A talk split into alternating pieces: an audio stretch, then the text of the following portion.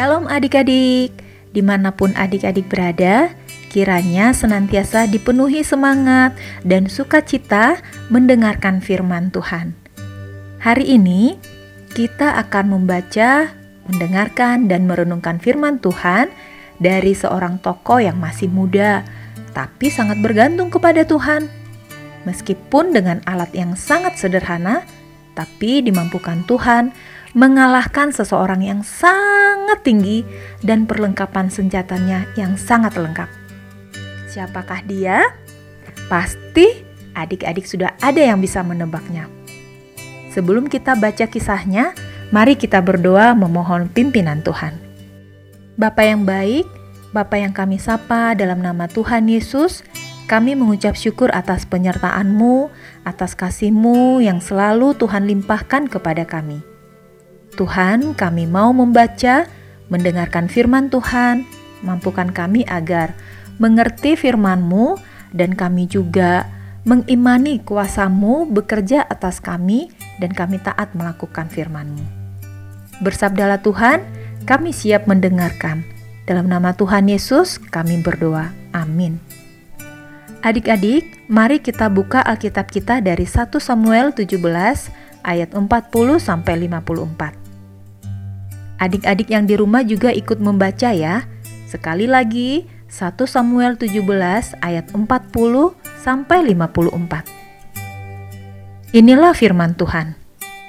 Lalu Daud mengambil tongkatnya di tangannya, dipilihnya dari dasar sungai, lima batu yang licin, dan ditaruhnya dalam kantung gembala yang dibawanya, yakni tempat batu-batu, sedang umbannya dipegangnya di tangannya. Demikianlah ia mendekati orang Filistin itu. Orang Filistin itu kian dekat menghampiri Daud, dan di depannya orang yang membawa perisainya. Ketika orang Filistin itu menunjukkan pandangnya ke arah Daud serta melihat dia, dihinanya Daud itu karena ia masih muda, kemerah-merahan, dan elok parasnya. Orang Filistin itu berkata kepada Daud, "Anjingkah aku maka engkau mendatangi aku dengan tongkat? Lalu demi para Allahnya orang Filistin itu mengutuki Daud. Pula orang Filistin itu berkata kepada Daud, Hadapilah aku, maka aku akan memberikan dagingmu kepada burung-burung di udara dan kepada binatang-binatang di padang. Tetapi Daud berkata kepada orang Filistin itu, Engkau mendatangi aku dengan pedang dan tombak dan lembing, tetapi aku mendatangi engkau dengan nama Tuhan semesta alam, Allah segala barisan Israel yang kau tantang itu. Hari ini juga Tuhan akan menyerahkan engkau ke dalam tanganku, dan aku akan mengalahkan engkau dan memenggal kepalamu dari tubuhmu. Hari ini juga aku akan memberikan mayatmu dan mayat tentara orang Filistin kepada burung-burung di udara dan kepada binatang-binatang liar, supaya seluruh bumi tahu bahwa Israel mempunyai Allah, dan supaya segenap jemaah ini tahu bahwa Tuhan menyelamatkan bukan dengan pedang dan bukan dengan lembing. Sebab di tangan Tuhanlah pertempuran, dan Ia pun menyerahkan kamu ke dalam tangan kami. Ketika orang Filistin itu bergerak maju untuk menemui Daud, maka segeralah Daud berlari ke barisan musuh untuk menemui orang Filistin itu. Lalu Daud memasukkan tangannya dalam kantungnya, diambilnyalah sebuah batu dari dalamnya, diumbannya, maka kenalah dahi orang Filistin itu, sehingga batu itu terbenam ke dalam dahinya, dan terjerumuslah ia dengan mukanya ke tanah. Demikianlah Daud mengalahkan orang Filistin itu dengan umban dan batu. Ia mengalahkan orang Filistin itu dan membunuhnya tanpa pedang di tangan. Daud berlari mendapatkan orang Filistin itu, lalu berdiri di sebelahnya. Diambilnyalah pedangnya, dihunusnya dari sarungnya, lalu menghabisi dia. Dipancungnyalah kepalanya dengan pedang itu. Ketika orang-orang Filistin melihat bahwa pahlawan mereka telah mati, maka larilah mereka.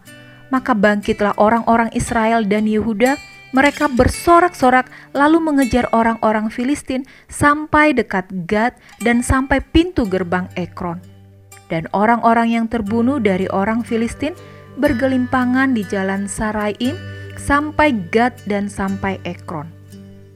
Kemudian pulanglah orang Israel dari pemburuan hebat atas orang Filistin, lalu menjarah perkemahan mereka.